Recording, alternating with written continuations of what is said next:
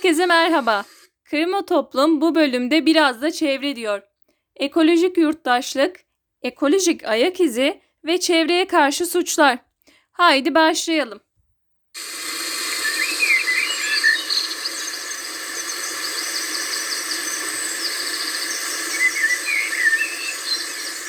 Efendim öncelikle birebir Türk Ceza Kanunu'ndaki çevreye karşı suçlar başlıklı maddeleri okumak istiyorum. Tabii ki sizi maddeleri de boğmayacağım. Çünkü zaten hepi topu 4 tane maddemiz var. Bunları bilelim. Çevreye karşı suçlar deyince ne anlıyoruz? Efendim, Türk Ceza Kanunu'nun 181. maddesinde çevrenin kasten kirletilmesi suçu düzenlenmiştir. Nedir bu kasten kirletme? Birinci fıkra der ki ilgili kanunlarla belirlenen teknik usullere aykırı olarak ve çevreye zarar verecek şekilde atık veya artıkları toprağa, suya veya havaya kasten veren kişi yani bilerek ve isteyerek bu atıkları toprağa, suya veya havaya veren kişi 6 aydan 2 yıla kadar hapis cezası ile cezalandırılır. Hemen ikinci fıkrada da diyor ki atık veya artıkları izinsiz olarak ülkeye sokan kişi 1 yıldan 3 yıla kadar hapis cezası ile cezalandırılır. Ya ülke içinde bile isteye toprağa, suya, havaya mevzuata aykırı olarak atık bırakıldı ya da dışarıdan izinsiz atık getirildi. Bu iki hal birinci ve ikinci fıkrada Asya cezada yargılanıyor.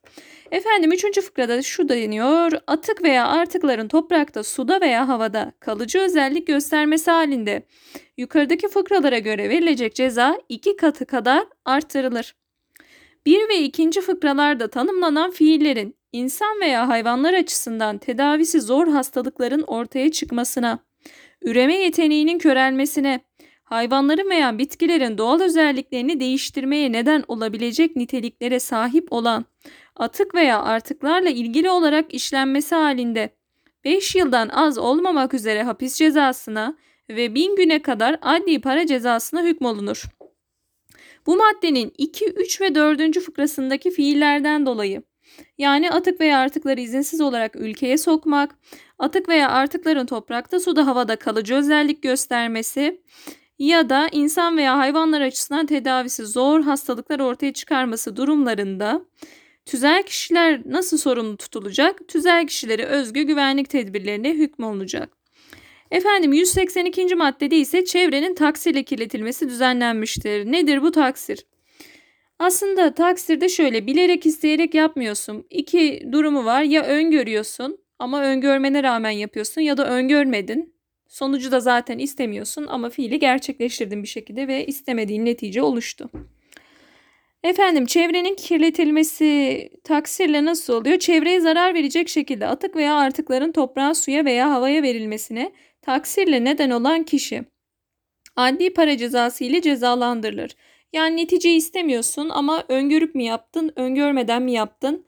Ayrım orada taksirde. Basit taksir, bilinçli taksir muhabbeti.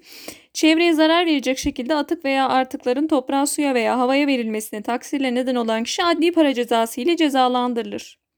Bu atık veya artıkların toprakta, suda veya havada kalıcı etki bırakması halinde 2 aydan 1 yıla kadar hapis cezasına hükmolunur. Yine asliye cezada ve ön ödemeye tabi. İnsan veya hayvanlar arasında eğer tedavisi zor hastalıklar yaratacaksa bu kirletme, üreme yeteneğini köreltiyorsa, hayvanların veya bitkilerin doğal özelliklerini değiştirmeye neden olabilecek niteliklere sahip atıklar toprağa, suya, havaya karıştıysa tabii ki yine taksiyle yapılacak. Yani sonucu istemiyor ve öngörmeden yapıyor ya da öngörüyor ama neticeyi istemiyor gibi. O zaman 1 yıldan 5 yıla kadar hapis cezası ile cezalandırılıyor. Yine asliye cezada görülüyor. Gürültüye neden olma. Komşumuz evleniyor. Müziğin sesi sonuna kadar açık mahallede. Ya da yan tarafta nişan var ya da nişan yok diyelim. Sadece e, oyun oynayan ve PlayStation'ın sesini sonuna kadar açan bir komşumuz var. Ne yapacağız? İşte bu meşhur şikayet etme muhabbeti. TCK 183 İlgili kanunlarla belirlenen yükümlülüklere aykırı olarak başka bir kimsenin sağlığının zarar görmesine elverişli bir şekilde gürültüye neden olan kişi 2 aydan 2 yıla kadar hapis veya adli para cezası ile cezalandırılır. Asiye ceza. Tabii ki burada bu kadar üst sınırdan cezalandırılması için gerçekten dehşet bir gürültü olmalı. Yani benim belirttiğim gibi sadece komşu müzik dinliyor muhabbeti de değil.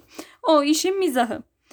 Yine asli cezada görüldüğünü belirteyim. TCK 184 imar kirliliğine neden olma.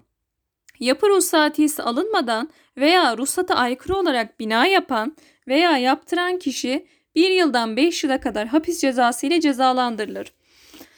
Efendim ne olmuş? Ruhsat almadan veya ruhsata aykırı olarak bina yapmış kişi ya da yaptırmış o zaman hapis cezası kaçınılmaz. Asiye cezada görülüyor.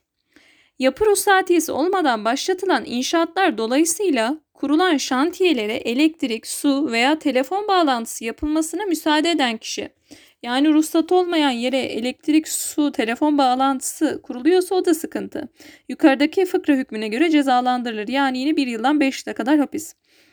184. maddeden yine devam ediyorum. Yapı kullanma izni alınmamış binalarda herhangi bir sanayi faaliyetin icrasına müsaade eden kişi 2 yıldan 5 yıla kadar hapis cezası ile cezalandırılır. Asiye cezada. 3. fıkra hariç. Yani yapı kullanma izni almamış binalarda sıhhi faaliyete izin verilme hariç bu madde hükümleri ancak belediye sınırları içerisinde veya özel imar rejimine tabi yerlerde uygulanır. Belediye sınırları içerisinde ruhsatsız yapı var ya da ruhsata aykırı olarak farklı bir yapı yaptın. Orada bir yıldan beş yıla kadar hapis cezası var ve bu durum belediye sınırları içerisinde geçerli. Efendim kişinin ruhsatsız ya da ruhsata aykırı olarak yaptığı veya yaptırdığı binayı imar planına ve ruhsata uygun hale getirmesi halinde. Bir şekilde elindeki ruhsat başkaydı. Bu kişi başka bir bina yaptı. Hukuksuz davrandı. Ama sonradan elindeki ruhsatı uydurdu diyelim.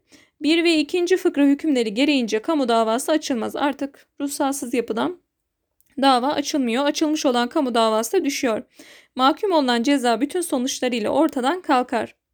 İkinci ve üçüncü fıkra hükümleri 12 Ekim 2004 tarihinden önce yapılmış yapılarla ilgili olarak uygulanmaz. Evet sonra kamunun sağlığına karşı suçlara geçiyor. Artık TCK kısmını bitirip birazcık ekolojik yurttaşlık, ekolojik ayak izi ve Kyoto protokolü diyelim.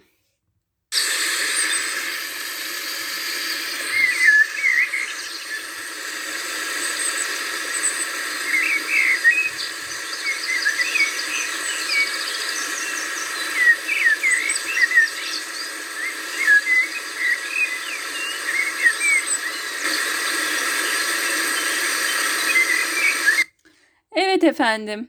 Araya birazcık rahatlatıcı doğa müzikleri de koyalım dedim. Şimdi ekolojik yurttaşlık nedir? Çoğunuzun belki ilgisini çekecek kısım bu 7. dakikadan sonrası 7. dakikanın sonu 8. Avrupa'da 1700-1800'lerle birlikte sanayide büyük bir atılım gerçekleşti. Makineleşmenin beraberinde getirdiği sanayi devrimi ile birlikte bireylerin fosil yakıtlara olan ihtiyacı arttı. Bu nedenle yaklaşık olarak 300 yıllık bir serüvende dünyanın ekolojik dengesinde değişim ve dönüşümler yaşandı. 2020 ve 2021 yıllarına geldiğimizde ise artık doğa bu yoğun kirliliği tolere edememeye başladı.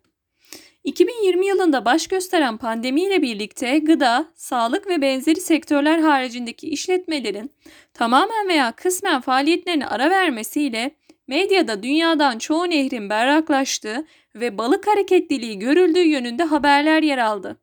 Yani insanlar rahat bıraksa aslında doğa canlanıyor. 2021 yılına geldiğimizde ise yaygın aşılama faaliyetleriyle birlikte sanayi üretimi eski kapasitesine yaklaştı ve çevre kirliliği yeniden gün yüzüne çıktı. Özellikle son günlerde medyada sıkça yer alan, tabi şu an etkisini yitirdi ama gerçekten bir iki ay önce tam bir felaketti. Marmara Denizi'nde görülen müsilaj sorunu ile birlikte hem çevre kirliliği hem de ekolojik kavramlar sıkça konuşulur oldu. Bu nedenle özellikle ekolojik yurttaşlık kavramına değinmekte yarar var. Kendi yaşam alanımız içinde ekolojik yurttaşlık, bireylerin yönetim aygıtı içerisinde kendi temel hak ve özgürlüklerini koruma altına almaya çabalamalarının yanı sıra doğanın haklarını da korumaya çalıştıkları bir yurttaşlık tanımıdır. Kavramı kısaca doğa ile uyumlu ve ona saygı duyan yurttaşlık olarak da tanımlamak yerinde olacaktır.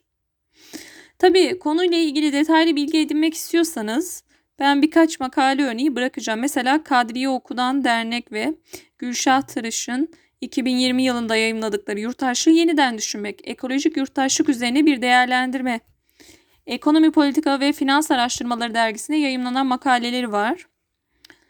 Şimdi ekolojik ayak izinizi ölçün. Biraz da ekolojik ayak izinden bahsetmek isterim. Ekolojik ayak izi nedir? Çünkü bir kirlilik varsa her insanda bunun bir parçası.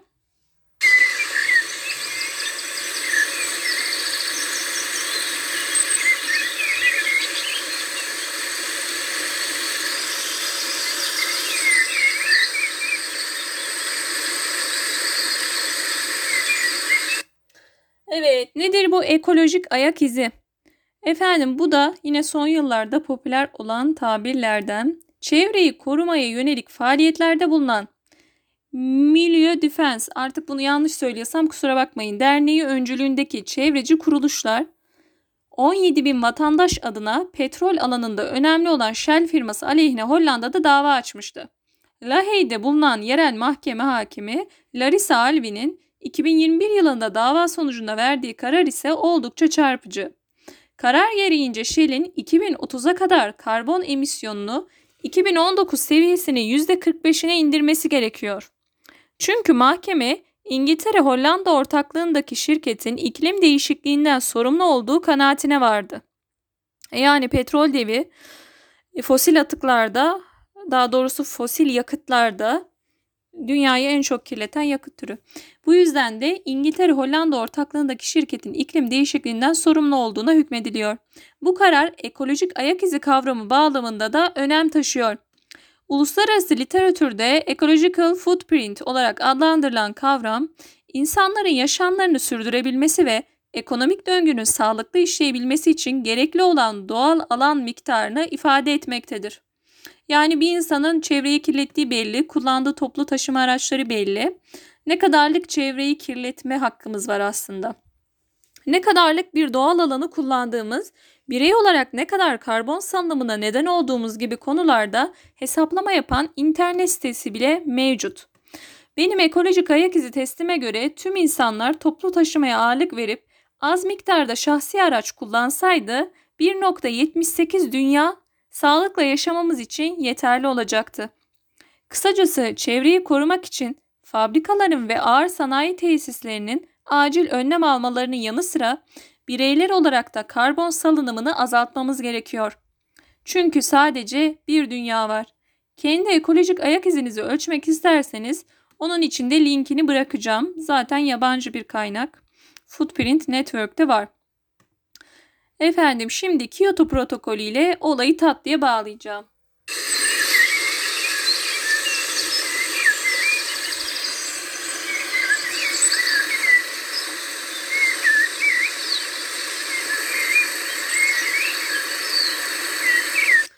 Evet, Kyoto protokolünü yeniden anlamak. Efendim doğal hayatı korumak ve yemyeşil bir çevrede yaşamak aslında insan mutluluğunun da bir parçası.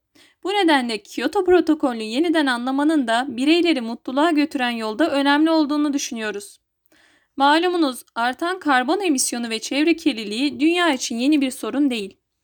Ama şu an görünürlüğü arttı, etkileri de arttı tabii ki. 1900'lerden bu yana kademe kademe artarak ilerleyen bir süreç çevre tahribatı. Bu nedenle tarih 11 Aralık 1997'yi gösterdiğinde Birleşmiş Milletler'in öncülüğünde Kyoto protokolü imzalanır. Adını Japonya'nın Kyoto kentinden alan Birleşmiş Milletler İklim Değişikliği Çerçeve Sözleşmesi 16 Şubat 2005'te yürürlüğe girdi. 160 ülkeyi kapsayan Kyoto protokolü temel olarak atmosfere salınan sera gazı oranını %5'e indirmeyi, endüstri, motorlu taşıtlar ve ısınma sistemlerinden kaynaklanan sera gazı salınımını azaltmaya yönelik kanuni düzenlemeler yapılmasını, enerjinin verimli kullanılmasını, yeni nesil çöp depolama sistemlerinin kurulmasını, atmosfere daha az metan ve karbondioksit salınımı için yenilenebilir enerji kaynaklarının kullanılmasının sağlanmasını, çimento, demir çelik ve kireç gibi üretimi yüksek enerji gerektiren ürünlerin imal edildiği işletmelerde atıkların doğaya salınmadan doğru yönetilmesini, termik santrallerde havaya daha az karbon salan teknolojilerin kullanılmasını, güneş enerjisi ve nükleer enerjinin kullanımının artırılmasını, fazla yakıt tüketen veya fazla karbon üreten işletmelerden daha fazla vergi alınmasını düzenler. Aslında ne kadar da işe yarar bir protokol değil mi ama maalesef uygulanamıyor.